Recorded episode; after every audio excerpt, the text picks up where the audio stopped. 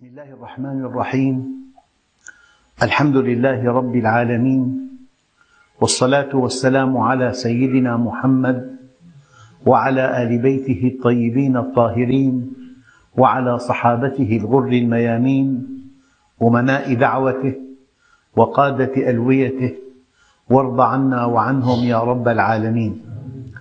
اللهم أخرجنا من ظلمات الجهل والوهم إلى أنوار المعرفة والعلم ومن وحول الشهوات إلى جنات القربات. أيها الإخوة الكرام مع الدرس السابع والثلاثين من دروس سورة التوبة ومع الآية الثامنة والأربعين وهي قوله تعالى بسم الله الرحمن الرحيم لقد ابتغوا الفتنة من قبل وقلبوا لك الأمور حتى جاء الحق وظهر أمر الله وهم كارهون. الحقيقة أن هذه السورة سورة التوبة في معظمها تتحدث عن فئة ممن ينتمي إلى الإسلام. ليسوا مؤمنين كما ينبغي وليسوا كفارا ولكنهم منافقون. فالنفاق حالة موجودة قائمة واقعة.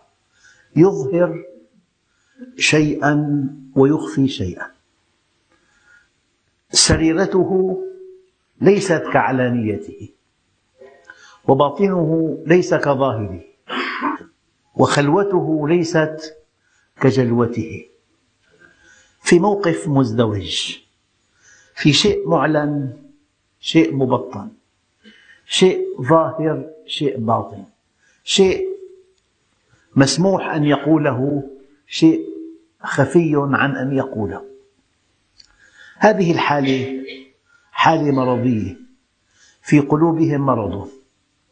المرض قال علماء التفسير حب الدنيا. هذا الحب حمله على أن ينافق. فيريد أن يأخذ ميزات المؤمنين مع ميزات الكافرين معا. لا. في مؤمن واضح وفي كافر واضح. إنسان رفض هذا الدين ولم يعبأ به. الكافر واضح. الكافر لا يغش أحدا. الكافر علانيته تكشف حقيقته. يقول لك أنا لا أؤمن بهذه بالأديان كلها. الكافر من الصعب بل من المستحيل أن يستطيع أن يضل أحدا. هو ضال مكشوف. لكن الخطورة في المنافق والنفاق حالة تتحرك بين الكفر وبين ضعف الإيمان. هناك منافق نفاقه حمله إلى أن يكون كافرا وهناك منافق غلبته شهوته فأظهر شيئا وأخفى شيئا. وهذا واضح جدا في أوائل سورة البقرة. لكن اليوم الآية في التوبة لقد ابتغوا الفتنة من قبل. الحقيقة الفتنة خروج ما في النفس. فلان فتن. يعني في بنفسه شيء لا يرضي الله. هذا الشيء الله امتحنه فظهر. بالمناسبة الله عز وجل من خصائص الحياة الدنيا أنها دار ابتلاء لا دار استواء. ومنزل ترح لا منزل فرح. فمن عرفها لم يفرح لرخاء ولم يحزن لشقاء. قد جعلها الله دار بلوى وجعل الآخرة دار عقبة فجعل بلاء الدنيا لعطاء الآخرة سببا وجعل عطاء الآخرة من بلوى الدنيا عوضا. فيأخذ ليعطي ويبتلي ليجزي. الإنسان حينما يقرأ الآيات المتعلقة بالمنافقين وهي موجودة في القرآن الكريم في أكثر من سورة الحقيقة الموقف الكامل من هذه الآيات أن نعرف صفات المنافقين كي نبتعد عن هذه الصفات وأن نعرف صفات المؤمنين كي نقبل على هذه الصفات. فهذا الدرس له أثر سلبي وله أثر إيجابي. الأثر الإيجابي أن تعرف هذه الصفات فتبتعد عنها. رجاء أن تكون مع المؤمنين.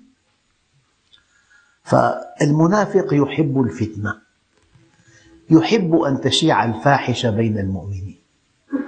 يسعى إلى ذلك. المنافق يحب ضعف المؤمنين. يعني أنا أقول لك كلمة دقيقة جدا. ما الذي يسعدك؟ إذا رأيت أخا مؤمنا تفوق. هل يؤلمك تفوقه؟ والله لا أبالغ ولا أحابي أحدا. إن كان يؤلمك تفوق المؤمن فهذه صفة من صفات المنافقين. والدليل إن تصبك حسنة تسؤهم وإن تصبك سيئة يفرحوا بها. امتحن نفسك وكن قاسيا عليها. لك أن تلتمس لأخيك عذرا. لكن أنا أنصح إخوتنا الكرام ألا تلتمس لنفسك عذرا. إذا أخ مؤمن تفوق في عمل ما وألمك هذا التفوق فهذا فرع من فروع النفاق. إذا أفرحك هذا التفوق فأنت مؤمن ورب الكعبة. ما الذي يؤلمك؟ تفوق المؤمن أم ضعفه؟ المؤمن يؤلمه ضعف المؤمن ويفرح إذا تفوق المؤمن لأن المؤمنين أمة واحدة أمة واحدة الكل لواحد والواحد للكل إن تصبك حسنة تسؤهم الحديث عن المنافقين وإن تصبك سيئة يفرحوا بها. فكن دقيق مع نفسك. لك أخ مؤمن في المسجد معك على مقاعد الدرس قريب لك جار لك زميل لك صديق لك. تفوق. وفق في عمل. في عمل صالح. علامة إيمانك أن تفرح له من كل أعماقك. وكأن هذا الخير نلته أنت. وهذا وسام شرف لك عند الله. فالمؤمن يهنئ أخاه المؤمن. يفرح له بزواجه بدراسته بتفوقه لأن المؤمنين كل واحد. لقد ابتغوا الفتنة من قبل. أما الذي يحب أن تشيع الفتنة أن تشيع الفاحشة بالذين آمنوا. هذا الذي يحب أن تشيع الفاحشة في المؤمنين ويفرح بهذه الفاحشة إذا شاعت بينهم فهي علامة نفاق ورب الكعبة. والبطولة أن المؤمن واضح ومع الأسف الشديد والكافر واضح. من هو الذي يؤذي المنافق؟ ظاهره شيء وباطنه شيء آخر. إذا لقوا الذين آمنوا قالوا آمنا. وإذا خلوا إلى شياطينهم قالوا إنا معكم. إنما نحن مستهزئون. الله يستهزئ بهم ويمدهم في طغيانهم يعمهون. لقد ابتغوا الفتنة. يعني بحب إذا في شيء يخالف الشرع أن ينتشر بين المؤمنين بفرح. إذا في نقاط ضعف عند المؤمنين يفرح بها ويذكرها كثيرا. هو قناص إذا اكتشف بمؤمن خطأ يلح عليه يشهر به يؤكد عليه يفرح بسقوط المؤمن. لذلك لقد ابتغوا الفتنة من قبل. المنافق هو المنافق في أي زمان وفي أي مكان. لقد ابتغوا الفتنة من قبل. يحب أن يفتن المؤمنون. يحب أن تشيع الفاحشة في الذين آمنوا. شوف والكلام خطير. ما فعل شيئا. ما قال شيئا. لكنه يحب أن تشيع الفاحشة. والحقيقة يعني في الأعم الأغلب الله بيحاسب على العمل.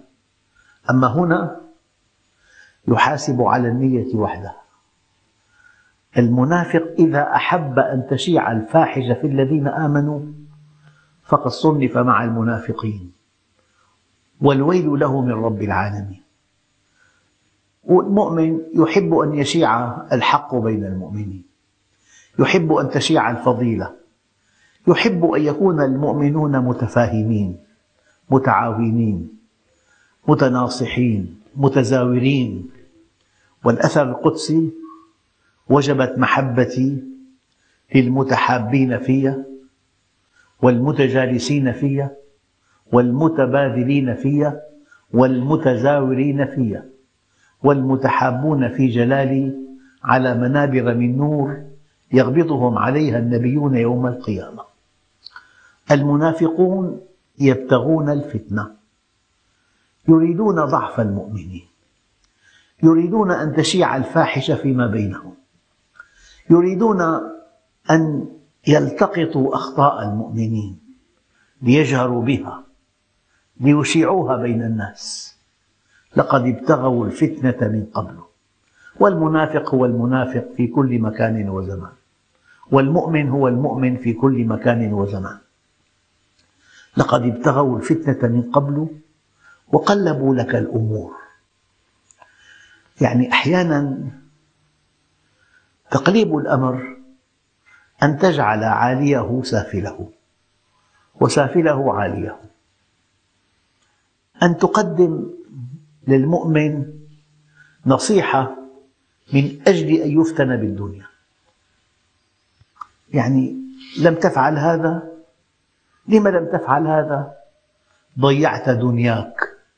لما أنفقت مالك؟ ضيعت مستقبلك. لما التزمت مع هذا بهذا المسجد؟ صنفت. يعني دائما بخوف. يقتنص. يريد أن يجرح. لقد ابتغوا الفتنة من قبل وقلبوا لك الأمور. حتى جاء الحق وظهر أمر الله وهم كارهون. دائما وأبدا. الله عز وجل يدافع عن الذين آمنوا.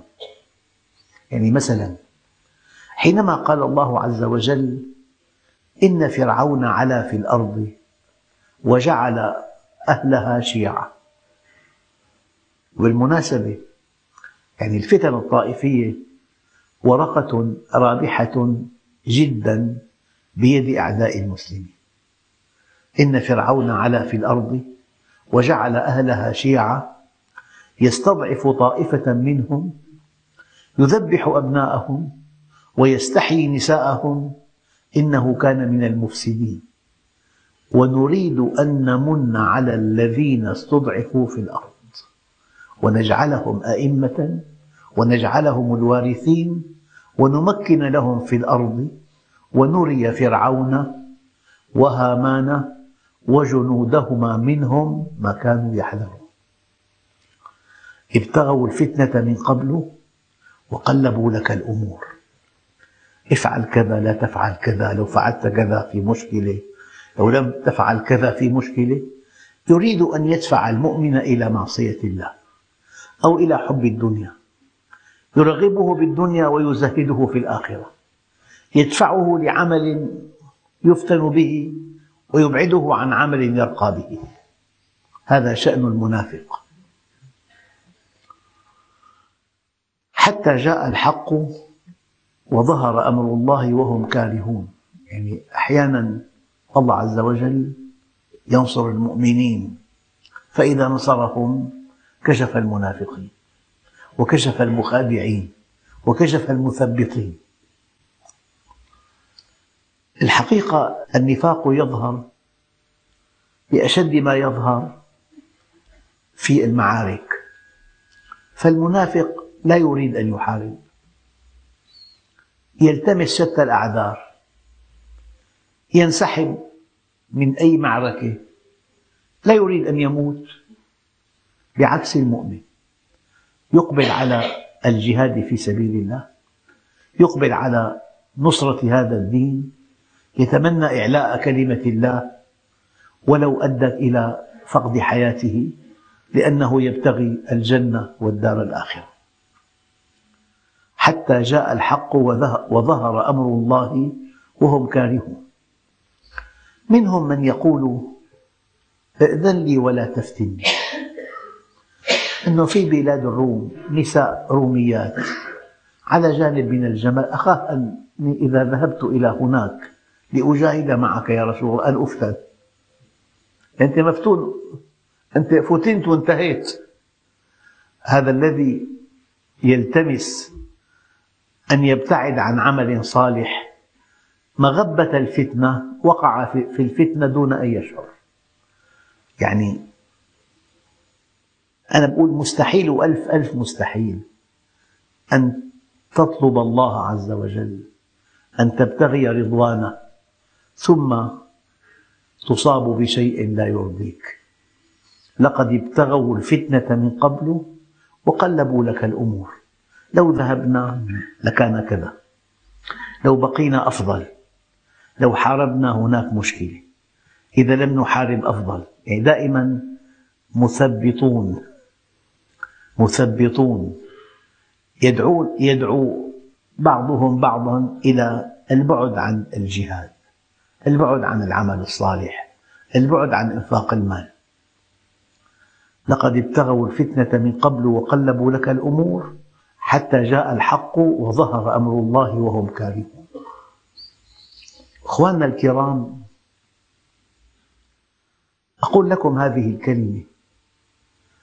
يعني إذا كان طريق القوة سالكا وفق منهج الله ينبغي أن تكون قويا لأن الإسلام بحاجة إلى أقوياء. إذا كان طريق الغنى سالكا وفق منهج الله ينبغي أن تكون غنيا. الإسلام بحاجة إلى مال تنفقه في سبيله. إذا كان طريق التفوق سالكا وفق منهج الله ينبغي أن تتفوق. طبعا الأمة نحن بحاجة إلى المتفوقين والنبي عليه أتم الصلاة والتسليم طلب النخبة. قال اللهم أعز الإسلام بأحد العمرين. لما أسلم سيدنا عمر توقف إيذاء المشركين. لما أسلم سيدنا الحمزة صلوا في بيت الله الحرام. فالله عز وجل يعز الإسلام بالمتفوقين. والذي أتمنى على كل شاب من الشباب المؤمن أن يفكر أن يكون رقما صعبا. أن يخدم أمته خدمة عالية.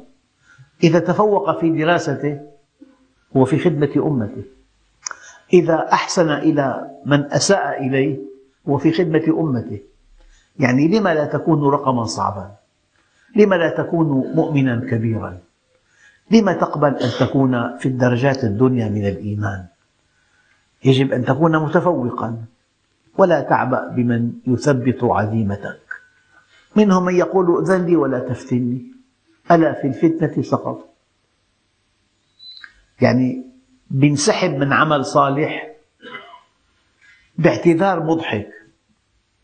أخاف أن أفتن. لا تفتن. إذا كنت مع الله لا تفتن. إذا كنت مع الله هناك حفظ لك من الله عز وجل. ألا في الفتنة سقطوا؟ وإن جهنم لمحيطة بالكافرين. يعني الكافر حينما يبتعد عن العمل الصالح وحينما يحب أن تشيع الفتنة أن تشيع الفتنة بين المؤمنين وحينما يسهم في إشاعة هذه الفتنة. يعني في مراحل ثلاثة أخطرها المرحلة الثالثة. هي طبعا تنطلق من الغيبة أولا. يعني لو أنه أخ كريم تفوق لآلمك هذا التفوق. هي حالة. بس ما تكلمت ولا كلمة. بس آلمك أن يتفوق. تتمناه ألا يتفوق. هي حالة. أحيانا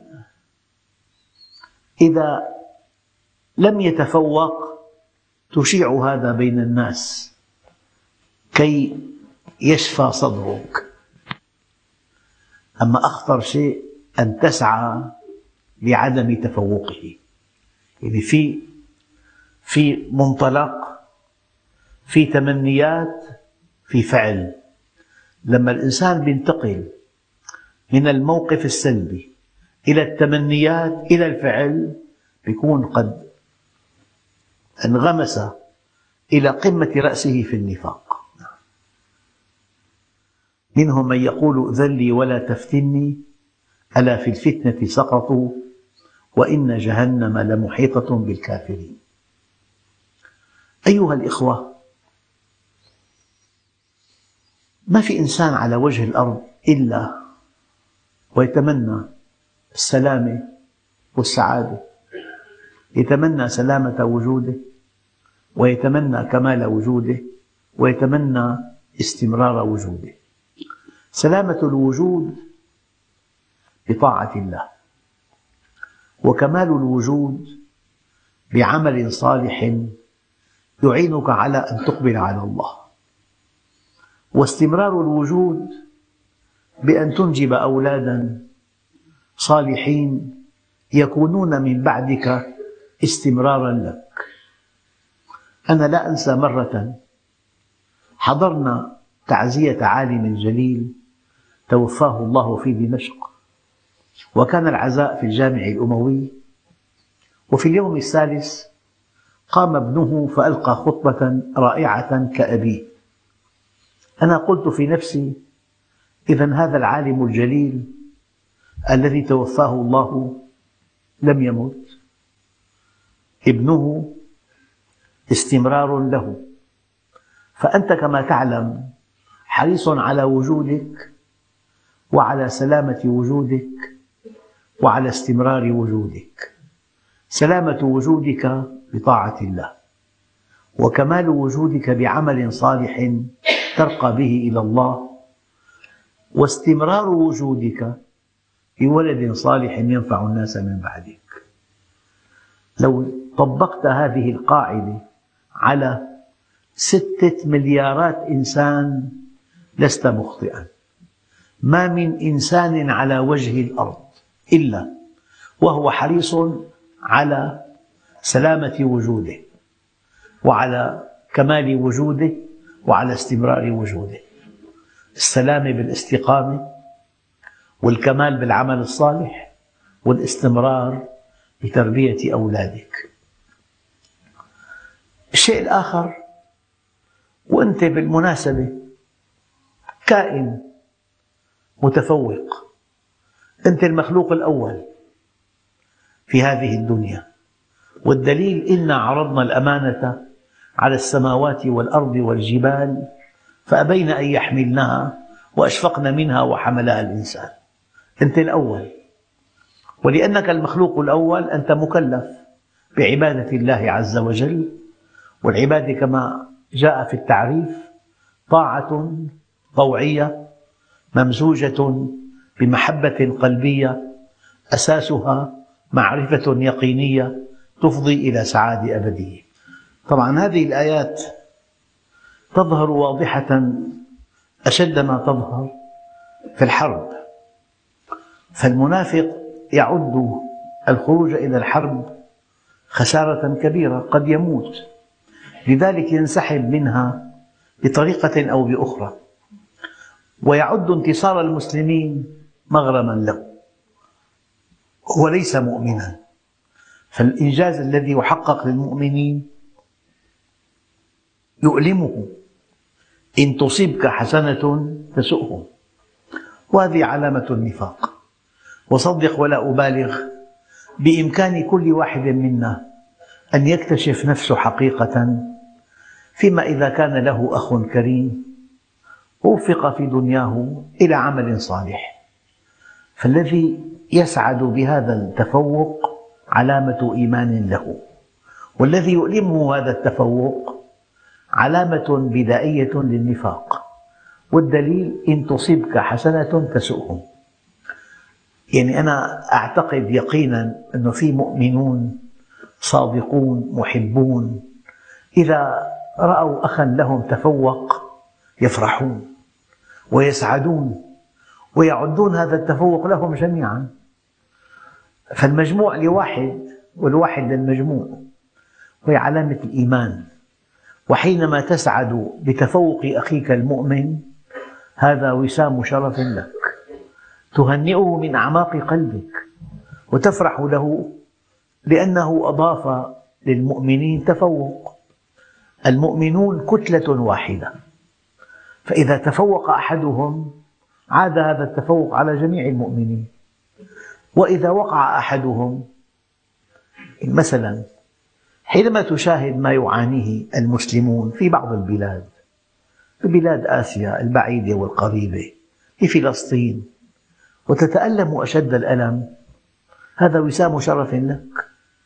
معنى ذلك أنك تنتمي إلى هذه الأمة ويؤلمك ما يؤلمها ويسعدك ما يسعدها. وحينما لا تبالي إطلاقا بما يجري ولا تعبأ. ما في عندك مشكلة خاصة بحياتك؟ إذا ما في عندك مشكلة خاصة بحياتك هذه أكبر مشكلة. هذه المشكلة تبين أو تشف عن أنك لا تنتمي لهذه الأمة. ليس منا. من بات شبعان وجاره إلى جانبه جائع وهو يعلم.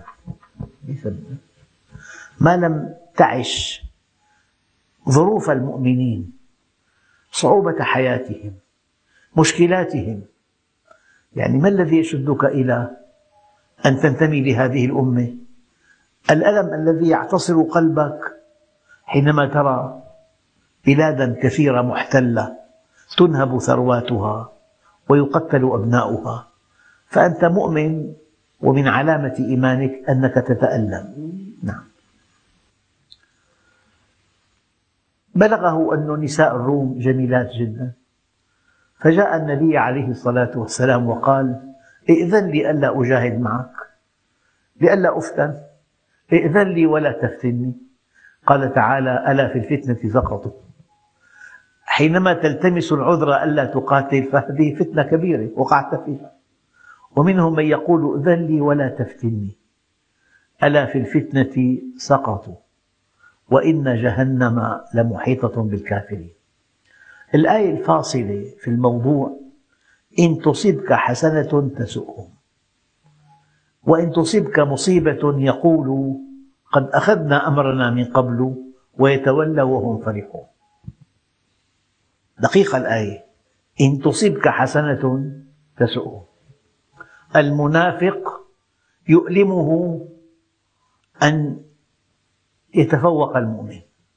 يتألم بيسكت. بيحسد. بيكبر النقاط السلبية. بيطعن. بيسخر أحيانا. هي كلها تصرفات تعبر عن شعور الغيرة والحسد. إن تصيبك حسنة تسؤهم. وهذا أكبر دليل لك. أخوك نجح.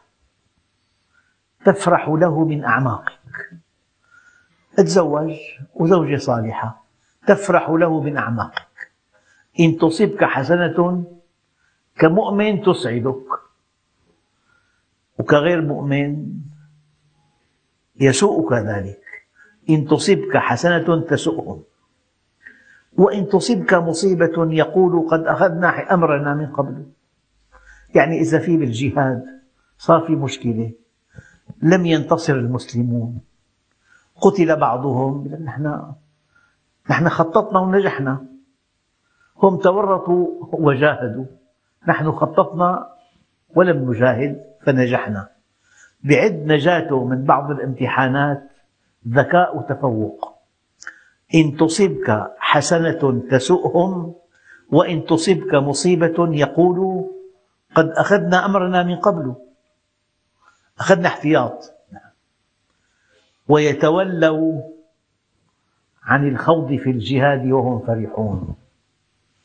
يعني معقول مؤمن أراد أن يجاهد والجهاد كما تعلمون ذروة سنام الإسلام. بالمناسبة أنا أتمنى على كل أخ كريم أنه إذا ذكر كلمة الجهاد أن يعلم أبعاد هذه الكلمة. الجهاد ليس معناه دائما القتال. لا. الدليل والذين جاهدوا فينا لنهدينهم سبلنا. هذا الجهاد النفسي جهاد النفس والهوى.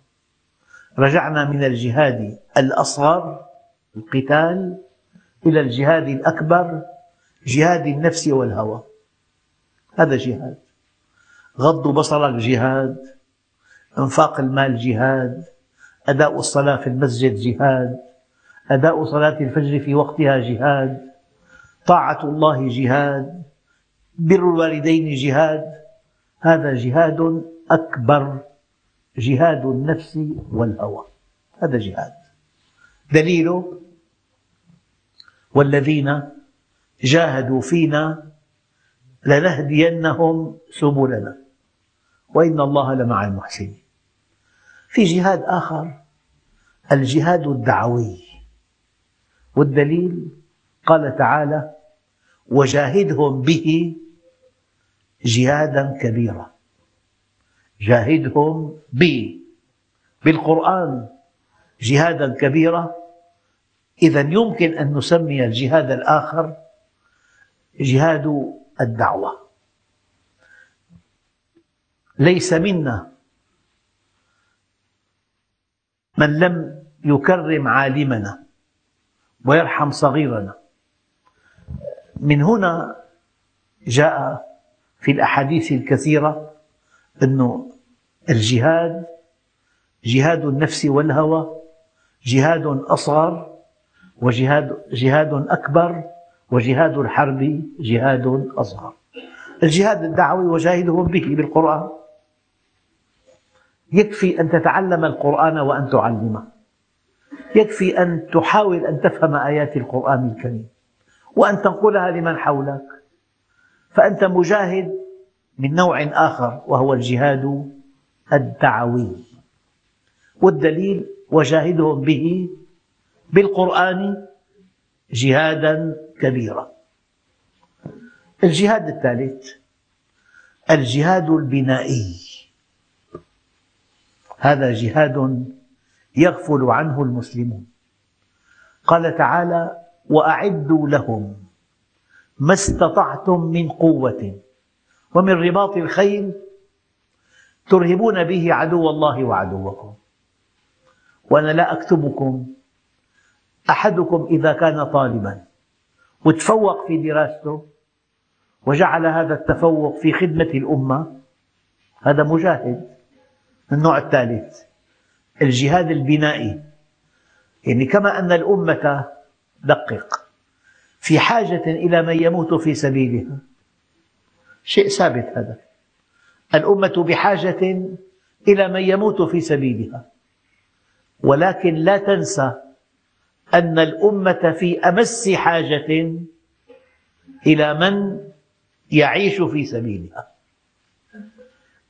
الأمة تحتاج إلى خبراء إلى علماء إلى أساتذة جامعيين إلى خبراء في الاقتصاد في التنمية في الأمور الحياتية اليومية. فالذي يتفوق في حرفته ويوظف هذه الحرفة لخدمة أمته فهو أيضا مع المجاهدين والدليل أعدوا لهم ما استطعتم من قوة ومن رباط الخيل هذا الجهاد الثالث والجهاد الرابع الجهاد القتالي جهاد الحرب. فبين جهاد نفسي جهاد النفس والهوى وجهاد دعوي في تعلم القرآن وتعليمه وجهاد بنائي في الإعداد للطرف الآخر ما يحتاج من قوة وبين جهاد قتالي في ساحات المعركة. فإذا ذكرت كلمة الجهاد اعلم أنها أنواع كثيرة. جهاد النفس والهوى والجهاد الدعوي والجهاد البنائي. والجهاد القتالي. إن تصبك حسنة تسؤهم وإن تصبك مصيبة يقولوا قد أخذنا أمرنا من قبل ويتولوا وهم فرحون قل لن يصيبنا إلا ما كتب الله لنا. لكم أيها الإخوة هذه الحقيقة. إذا أيقنت بهذه الآية يمتلئ قلبك أمنا واطمئنانا وسعادة. لأن هذه الآية تتحدث عن المستقبل. قل يا محمد لن يصيبنا في المستقبل إلا ما كتب الله لنا. كتب علينا لها معنى وكتب لنا لها معنى. كتب لنا من الخير. والله أيها الإخوة أنا حينما أرى أخا شابا مؤمنا طيبا طاهرا مستقيما عفيفا صادقا أمينا أنا أتنبأ له بمستقبل كبير جدا. لا أملك وسائل هذا المستقبل بس أقول هذا الإله العظيم هذا الشاب المؤمن الذي ترك شهوته من أجل الله. يعني ما من شيء أحب إلى الله تعالى من شاب تائب. إن الله ليباهي الملائكة بالشاب التائب. يقول انظروا عبدي قد ترك شهوته من أجلي. أحب ثلاثا. وحبي لثلاث أشد. أحب الطائعين. وحبي للشاب الطائع أشد. بمقتبل حياته. غض بصر. صدق. أمانة بر والدين إتقان عمل صالح. شيء رائع جدا. ما من شيء أحب إلى الله تعالى من شاب تائب. إن الله ليباهي الملائكة بالشاب المؤمن. يقول انظروا عبدي ترك شهوته من أجلي. لذلك أحب ثلاثا وحبي لثلاث أشد أحب الطائعين وحبي للشاب الطائع أشد. أحب الكرماء وحبي للفقير الكريم أشد. أحب المتواضعين وحبي للغني المتواضع أشد. لن يصيبنا إلا ما كتب الله لنا. فرق كبير كبير كبير بين أن نقول إلا ما كتب الله علينا وبين أن نقول إلا ما كتب الله لنا. لنا لها معنى وعلينا لها معنى. يغلب على لنا الخير فقط. لن يصيبنا في المستقبل إلا الخير. في كل شيء. والدليل إن الذين قالوا ربنا الله ثم استقاموا تتنزل عليهم الملائكة. ألا تخافوا المستقبل وألا تحزنوا عن الماضي إذا مرت بك هذه الآية كان اليقين أنها تغطي الماضي والمستقبل. أيها الإخوة آيات اليوم قل لن يصيبنا إلا ما كتب الله لنا هو مولانا وعلى الله فليتوكل المؤمنون والحمد لله رب العالمين.